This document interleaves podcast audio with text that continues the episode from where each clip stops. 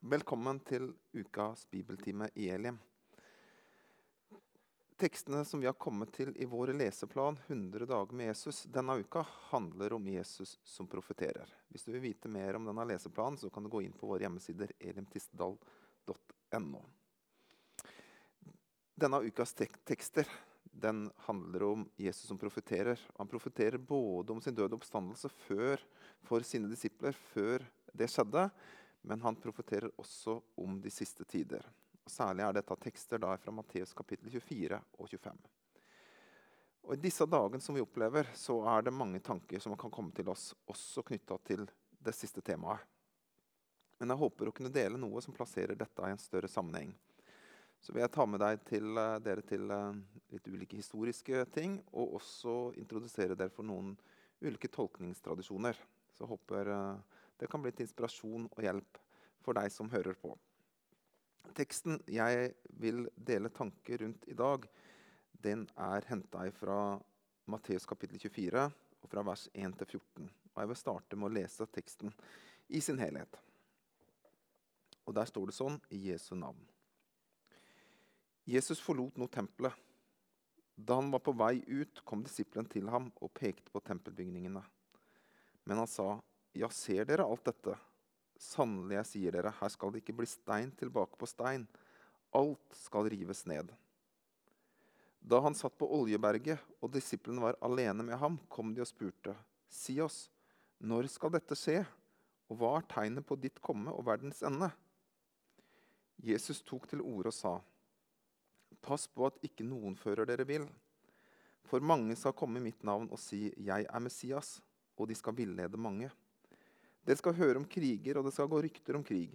Se da til at dere ikke lar dere skremme. For dette må skje, men ennå er ikke enden kommet. Folk skal reise seg mot folk og rike mot rike. Og det skal være hungersnød og jordskjelv mange steder.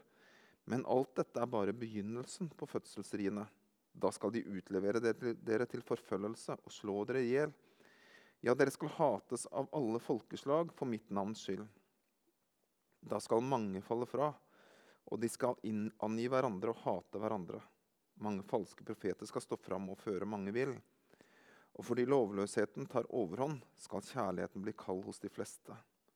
Men den som holder ut til enden, skal bli frelst.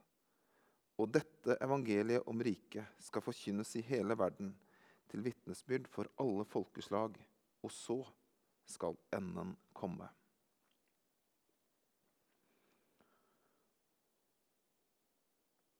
Disiplene de pekte på tempelbygningene, og så sier Jesus, 'Ser dere alt dette?' Ser dere alt dette? Ja, hva var det de så? Jeg har lyst til å starte med å si en del, fortelle litt om tempelet i Jerusalem sin historie, sånn at dere er bedre kjent med den. Det er jo sånn at Salomo, Kong Salomo bygde tempelet opp, det første tempelet opp. Dette som David hadde, hadde starta på, men ikke fikk tillatelse av Gud til å, å, fullføre, det overga han da til sønnen sin Salomo, som, som fullførte, fullførte tempelet og bygde det opp. Salomos tempel. Dette ble til eh, og ble bygd i det tiende århundret før Kristus. Og noen hevder at det sto ferdig i år 960 før Kristus. Men Salomos tempel det blei ødelagt av babylonerne i år 587 før Kristus. Samtidig med at israelsfolket blei ført bort fra landet og til landet Babylon i eksil, hvor de levde i mange år. Um, omkring 70 år etterpå så, så bygde, fikk Israels tilbake, israelsfolket komme tilbake og bygge opp igjen tempelet. Det var Serubabel som leda oppbyggelsen av dette. her. Og dette kan du lese om i Esra og Nehemja f.eks. Men dette tempelet, dette tempelet som Serubabel leda, leda, det var et enklere tempel enn Salomo sitt. Dette hadde med økonomi å gjøre. Eh, så det var et, det var et, det var et enklere tempel enn en Salomo sitt. Og dette Sarubabels tempel det sto helt fram til kun noen år før, eh, før Jesus sin fødsel. Jeg skal si noe mer om det. Men det har noen svært interessante historier, uh, dette Serebabels tempel.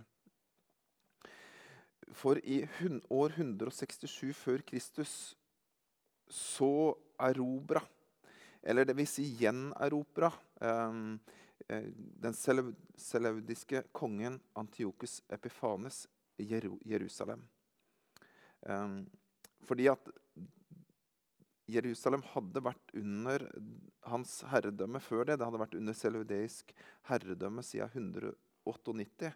Men da det gikk rykter om at han var død, så var det noen som gjorde opprør og tok, eh, tok tilbake Jerusalem. Og dette, dette provoserte Antiokus Epifanes noe voldsomt. Så han gjenerobra det i 167 før Kristus. Og med det så forbød han også jødisk religion i, i, byen. Og han tvang dem til å dyrke guden Sevs. Og Om dere leser videre i Matteus kapittel 24, så vil det, dere se at, det, at, Jesus taler om ødeleggelsens styggedom som skal, um, som skal stå på det hellige sted. Så er dette på mange måter en, en allusjon til, til den, denne begivenhet som, som, som israelfolket allerede hadde opplevd gjennom Antiokus Epifanes. Og dette skal gjenta seg, og det skal jeg komme tilbake til, til seinere. Um, men etter dette, etter, eh, etter uh, tre år, så erobrer jødene, leda av Juda Makabeeren, eh, gjennom det som blir kalt for makabeeropprøret. De gjenerobrer eh, Jerusalem. De gjenerobrer tempelet. De renser tempelet, og de gjeninnvier det i år 164 før Kristus. Og det er dette som feires når jødene i dag feirer hanukka, som feires fra 25.12. og åtte dager framover. Så kjenner dere litt til, til historien bak, bak, denne jødiske feiringen. Men i år, hvis vi spoler fram til år 20 til år 19 før Kristus, så starter den romerske eh, herskeren Herodes den store eh, en ombygging og utvidelse av tempelet. Um, han starter det, og han dør jo noen år etter Jesus' sin fødsel, som vi kan lese om i juleevangeliene. Uh, og denne oppbyggingen som han starter, den fortsetter gjennom Jesus sitt liv og, helt, og står faktisk ikke ferdig før i år 63 til 64 etter Kristus. Så da er vi her. Det er her vi er, under oppbyggelsen av Herodes eh, sitt tempel. Um, når Jesus stiller dette spørsmålet til sine disipler. Ser dere alt dette? Og det ligger veldig mye i dette spørsmålet. Fordi at dette tempelet representerte så mye for disiplene. For det første så var det sånn at for, for jødene så var dette sentrum for deres gudsdyrkelse. Det var jo sånn at, at På Jesu tid så fantes det mange retninger innenfor jødedommen. Vi møter noen av dem også i evangeliene, f.eks. farisere og sadukere. Eh, og de hadde ulike tanker og forståelse om mangt og mye. Men tempelet, det samla dem. Og i dette tempelet så lå også, som vi forstår av det jeg har sagt det nå, der lå også deres historie. Og nå, under denne store utvidelsen som Herodes hadde starta på, så må det også ha vært et fantastisk monument over hva mennesker klarte å få til. Ja, der rett foran dem så sto det et stort symbol på hva mennesker kan bygge og få til for å ære Gud. Med andre ord så klarer vi ikke helt å forstå omfanget av hva ordene 'alt skal rives ned' betød for disiplene. Det var rett og slett et 'verden slik dere kjenner den', den skal bli helt forandra. Alt skal bort. Sentrum for gudsdyrkelse. Monumentene fra historien. Det menneskelige byggverket som skulle ære Gud. Dette skulle bort. Og i år 70 så går det som Jesus har profetert, kun få år etter at denne utvidelsen er ferdiggjort. Tempelet det blir revet ned av romerne. Og siden så følger det årelange uroligheter som ender med noe som blir kalt for Bar Kokba-oppstanden, som varer fra år 132 til 135 etter Kristus. Som ender med at, eh, at jødene blir forvist fra Jerusalem. At Jerusalem blir en romersk by ved navn Elia Capitolina, hvor jøder helt ble nekta, nekta, nekta adgang. Og I den forbindelse blir det også satt opp en statue av keiseren i byen. Og på tempelplassen blir det igjen bygd et tempel for Sevs. Ja, Det fortelles også at oppå Golgata og Jesus grav blir det også bygd et hedensk tempel. Og det er jo nettopp dette som Jesus profeterer om skal skje i det verset som jeg allerede siterte, som var en, allusjon mot Daniels-teksten. Eh, altså så er det også en historie som gjentar seg når dere ser at det motbydelige som ødelegger, det som profeten Daniel har talt om, står på, hel, på hellig sted. La den som leser det, tyde det, sier, sier Jesus her. Altså Dette var en, en historie som, som, skjedde under Antiokus Epifane, som vi la som i stad, eh, men også i, i dette tilfellet her. Når Jesus forutsier tempelets ødeleggelse, så kobler disiplene dette mot Messias sitt evige rike eh, og dette riket sitt komme. Ja, når skal dette skje, sier de.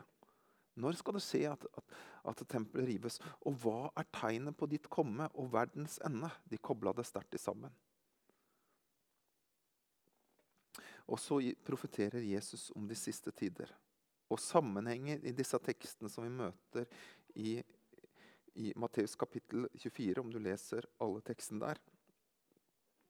Der finnes det en sterk sammenheng til både Daniels bok Den viser han jo til, som jeg la, nettopp las, men også sammenhengen til Johannes' åpenbaring. Det er tydelige. Dette temaet om de siste tider det er et svært engasjerende tema for mange kristne. Akkurat som for disiplene. De ville vite når og hva tegnene var. Og temaet det er viktig. Men det er også viktig å ha et sunt forhold til det. Det er altfor mange som har fått presentert dette på en negativ og vanskelig måte som unge. For det er noe i oss mennesker, også oss kristne, som appelleres av det sensasjonelle eller av det ekstraordinære. Eller av dem som veit mer enn oss andre. Og det er fort gjort å la seg rive med også i møte med dette temaet av folk som har sine klare skjemaer om hva som skal skje fra dagen i dag og fram til Jesus kommer igjen. Ja, vi liker det også. Vi liker skjemaer. Altså punkter som leder oss fra A til Å, slik at vi forstår. Men Jesu første ord når han svarer på disiplenes spørsmål, det er pass på at ikke noen fører dere vil. Nå sitter jeg ikke klar her med noen skjemaer som jeg vil forsøke å si noe om. Um, fordi at jeg syns det er vanskelig å gjøre en konklusjon rundt disse tekstene. Men det jeg veit, det er at kristne forstår eller tolker Bibelen, Bibelens ord om de, på, på, om de siste tider på ulike måter. Og det er det viktig for oss alle å ha en større kjennskap til. For det er sånn at Vi kan være utsatt for bare én måte å se dette på og tenke at det er den rette. Eh, derfor er det sunt for oss å møte og vite om andre tolkningsforståelser, tolkningstradisjoner. Og Når det kommer til de siste tider, og særlig Johannes' åpenbaring, men også disse tekstene som vi finner i, i, i Matteus kapittel 24, så finnes det fire klassiske tolkningsretninger. Og det hadde jeg lyst til å si noen ord om. Og De kalles for futuristisk, preteristisk, historisk og idealistisk. Futuristisk og preteristisk det er ord som vi kanskje kan koble opp mot, mot norsken på skolen. Om, uh, om, om, om, bøying av verb. Om futurum og preteritum. Altså om fortid. Eller om framtid og fortid. Og Den futuristiske tolkningsmodellen handler altså om en, en fremtidstanke om, om, disse tekstene. Og den futuristiske tolkningsmodellen er den vi ofte kjenner til i våre egne miljøer. Eh, som kort fortalt handler om at det vi leser om de siste tider i Bibelen, handler om en tid der framme. Altså Antikrist for eksempel, er en person et sted der fremme. Den store trengselen ja, det er noe som skal skje der fremme. Tusenårsriket ja, det skal skje et sted der fremme. Du kjenner nok til det, i hvert fall en del av dere. Den historiske tolkningen den handler om at man leser kirkens historie fra Jesus og fram til han kommer igjen, inn i tolkningen. Altså bildene vi møter, eh, viser ulike epoker i kirkens historie. Hvis vi går litt tilbake i historien, i kirkehistorien også, så var dette en, en mer ut, utbredt måte, en, ja, en, veldig utbredt måte å tolke eh, åpenbaring på i middelalderen, f.eks. Hvor den futuristiske er en mer moderne eh, variant. Eh, under futuristisk så finner du også f.eks. dispensasjonalismen, som er veldig svært kjent i, i, våre miljøer. Men den er faktisk bare et par århundrer gammel. Den tredje måten å tolke på den blir kalt for den idealistiske tolkningen. Det handler om at man tolker disse bildene, disse synene som Johannes ser, som billedlige og tidløse. Altså som noe vi står overfor til enhver tid. Og til slutt så har vi den preteristiske tolkningen. Altså Den handler om fortid. Den handler om at man tolker synene som ting som skjedde i forfatterens samtid og nærtid. Altså det beskrev eh, tiden omkring de eh, som var knytta til forfatterne så kunne jeg brukt mye tid nå på å holde fram det ene synet og slakte det andre. Og det ønsker jeg ikke å gjøre.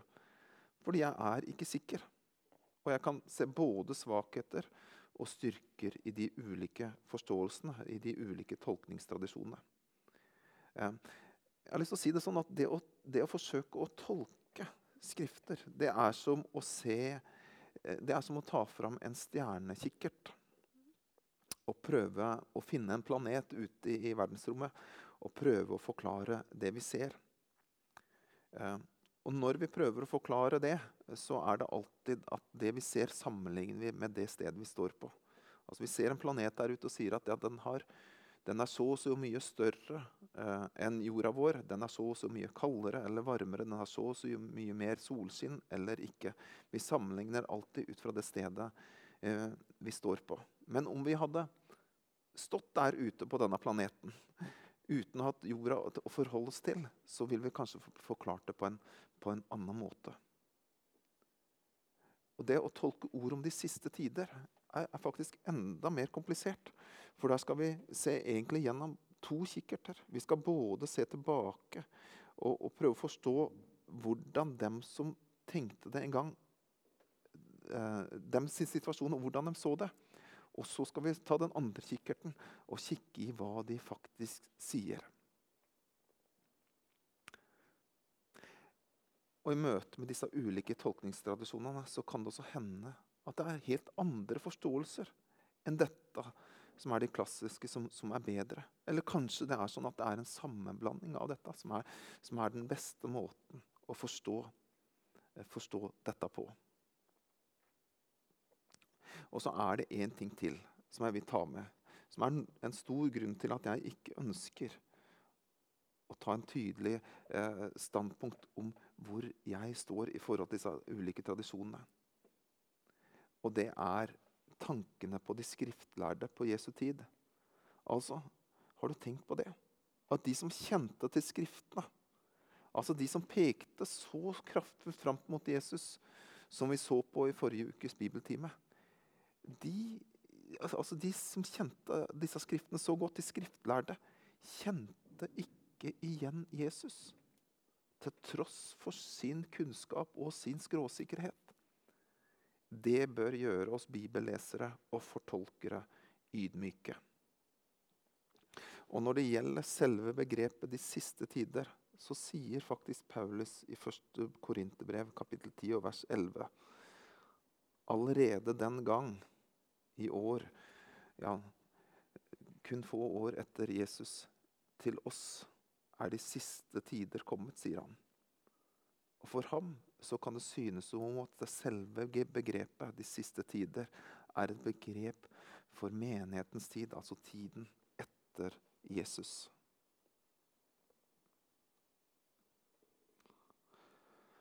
Men Jesus han har noe han vil si til sine disipler gjennom det han sier. Og det har jeg lyst til å stanse ved nå. nå. Hvis vi kan summere det litt opp, så kan vi si det sånn at Jesus løfter frem fire prøvelser som hans levende menighet, altså de som følger ham, vil møte. Og det første, det er forførelse. Han starter med svaret sitt til disiplene. Pass på at ikke noen fører dere vil. For mange skal komme i mitt navn og si, 'Jeg er Messias', og de skal villede mange.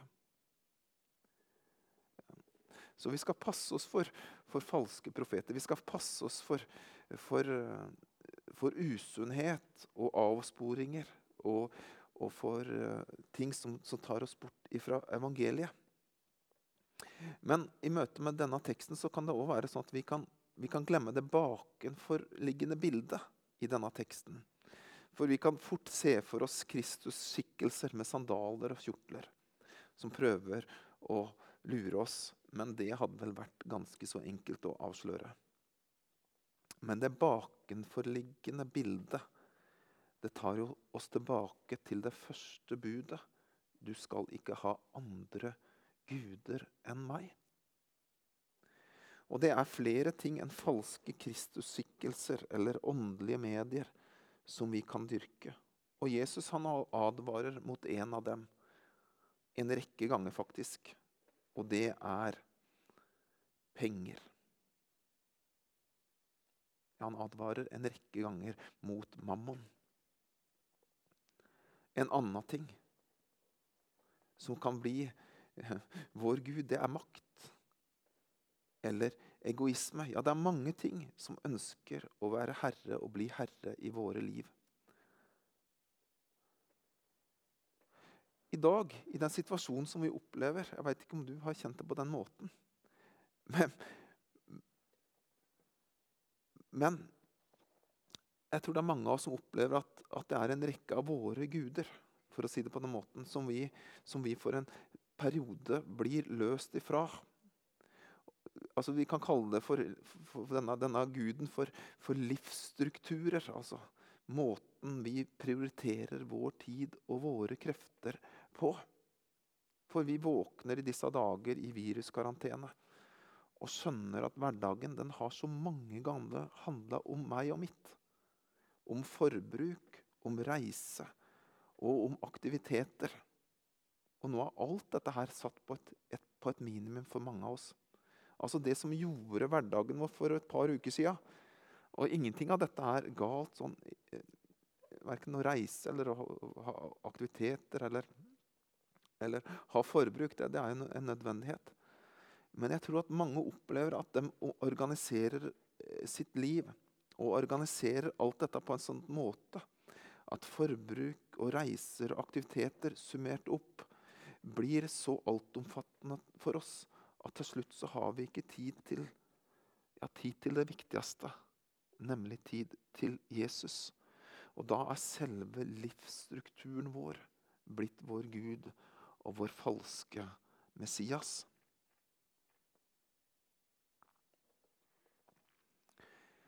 Det andre eh, prøvelsen som Jesus løfter fram, det er en samlebetegnelse. vil jeg, vil jeg kalle dette her. Det er krig og katastrofer. Dere skal ikke høre om kriger, og det skal gå rykter om kriger, og det skal være hungersnød, og, og det skal være jordskjelv mange steder, sier Jesus. Og I disse tider så er det jo tekster som dette som berører oss. Og ikke minst om man har en futuristisk tolkning som jeg nevnte, om de siste tider. Da dukker det med en gang hos mange dette spørsmålet om ja, er det nå det starter? De siste tider. For deg som hørte min tale nå i helgen, så, så sa jeg noen, noen, ord om det. Om Jesus eh, Ja. Om Jesus i Det gamle testamentet var jeg også inne på der. For mennesker har alltid vært berørt av krig og katastrofer. Og også vi kristne.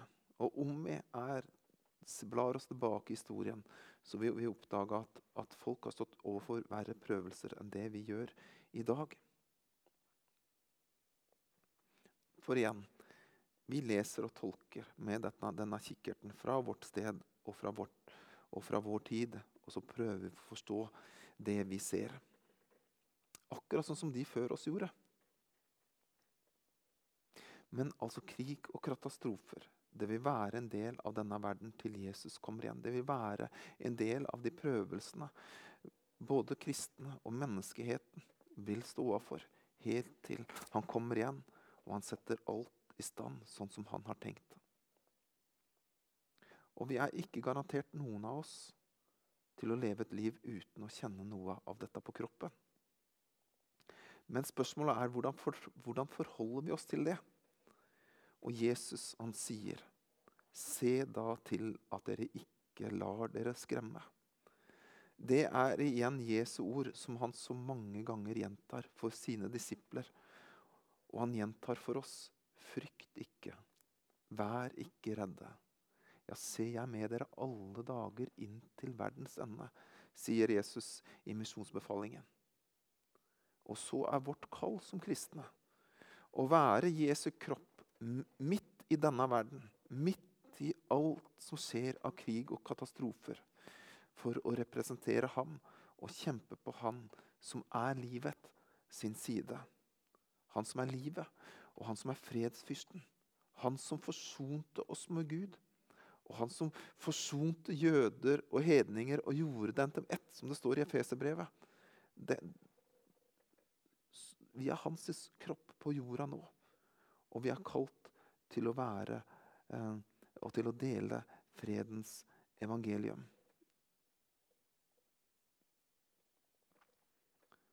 Det neste Jesus taler om, prøvelsen Jesus taler om, det er forfølgelse. Da skal de utlevere det, dere, slå dere i hjel, og dere skal hates av alle folkeslag, står det. Det er ikke noe tema som gjør så vondt inni meg som tema forfølgelse. For det berører så mange følelser. Om jeg skal prøve å plassere meg sjøl i det hele, så veit jeg at jeg liker så dårlig å ikke bli likt. Og jeg, er, jeg liker ikke konflikter. Og jeg tenker på hvordan ville jeg håndtert det da, og ikke bare ikke bli likt, men det å rett og slett blitt hata og forfulgt. Altså at noen hater hata meg fordi at jeg trodde og tenkte annerledes enn dem.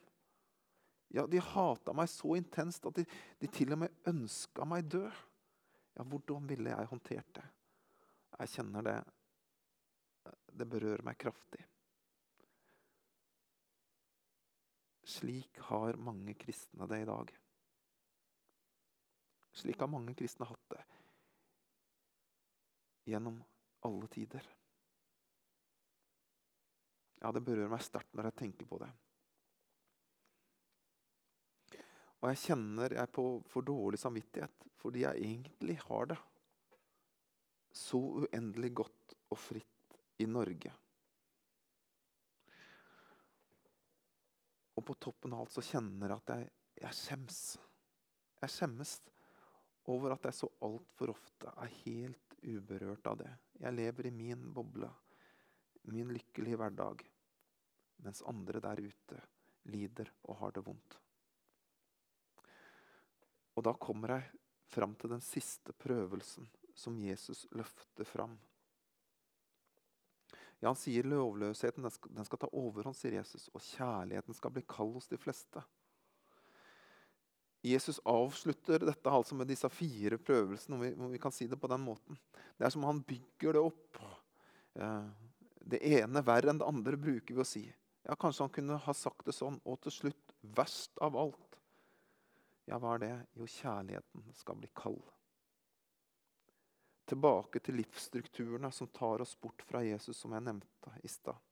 Om vi bygger hverdagen vår slik at tiden med Jesus blir nedprioritert, så er det som å ta kjelen av plata.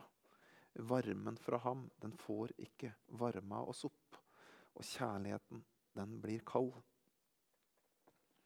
Hold hjertet varmt. Det var et råd jeg fikk av en ungdomsarbeider en gang. Det har vært et ord som jeg, som jeg til stadighet kommer tilbake til. Hold hjertet varmt.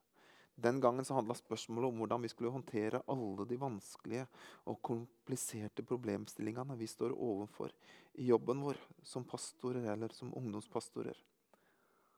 Det kan være vanskelige temaer, det kan være konflikter, det kan være ulike personligheter. Hold hjertet varmt. Ja, det er et råd jeg ønsker å ha med meg i det jeg gjør. Men Jesus' svar avslutter til sine disipler, sine disipler avslutter ikke med disse fire prøvelsene. For det kommer noe til slutt. Og om det er et tegn på at enden er nær, så er det nettopp dette. For Jesus sier, og dette, evangeliet om riket, skal forkynnes i hele verden til vitnesbyrd for alle folkeslag.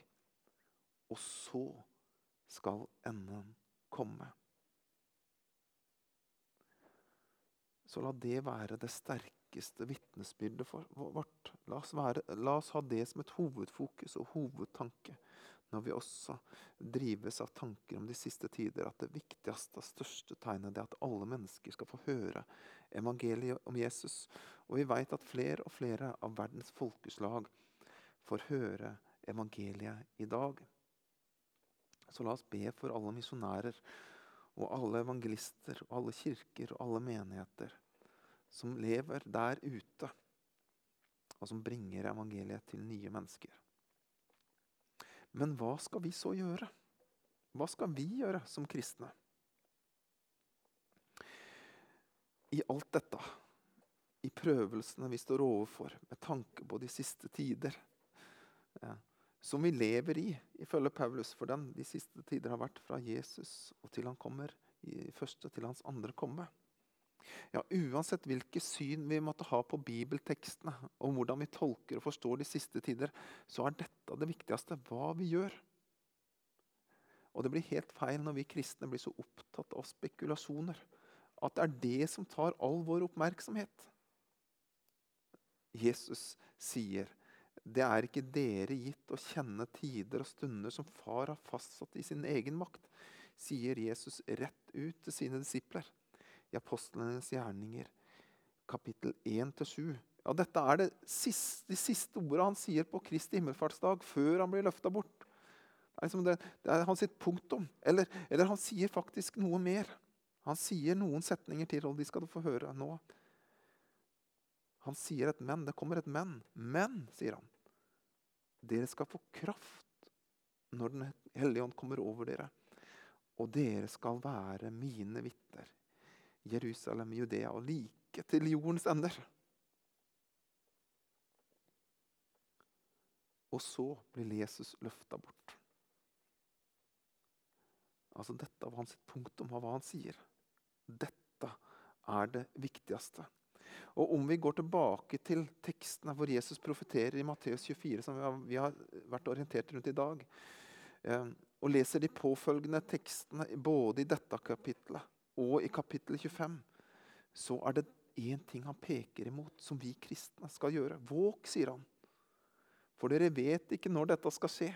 Ja, men Så kan vi lure på ja, men hvordan skal vi våke? Jo, Jesus svarer på det, det også. Han sier følgende i Matteus kapittel 24, vers 45. Hvem er da den tro og kloke tjeneren som Herren satte over de andre tjenerne? Um, for å gi dem mat i rett tid. Lykkelig er den tjeneren som Herren finner i arbeid med dette når han kommer. Altså, det, er vi, det, er måten vi kan våke på. Det er å leve ut det kallet han har gitt oss, å være i arbeid med det oppdraget han har gitt oss. Det er å våke.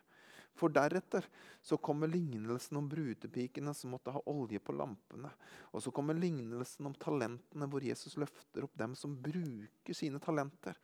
Og til slutt så kommer dommen i avslutningen av kapittel 25, hvor han sier at de som har tatt seg av de fremmede, de som har kledd de som trengte det, de som tok seg av de sjuke og, de, eh, som, og tok seg av de som satt i fengsel, det er de som får høre orda det dere gjorde mot en av dine minste små, det har dere gjort imot meg.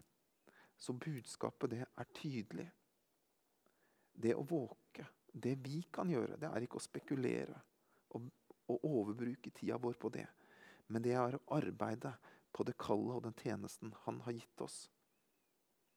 Så Jesu profetiske budskap det peker fram mot dette.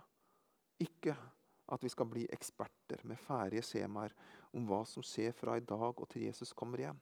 Fordi at den dagen, den kommer uansett, den. Tro du meg. Men det vi kan gjøre, og det Jesus kaller oss til, det er å bli fylt av Den hellige ånd. Og det er å gjøre hans arbeid. Å være hans hender og føtter i verden i dag gjennom å forkynne evangeliet og hjelpe dem som trenger det. Må dere ha en velsigna uke videre.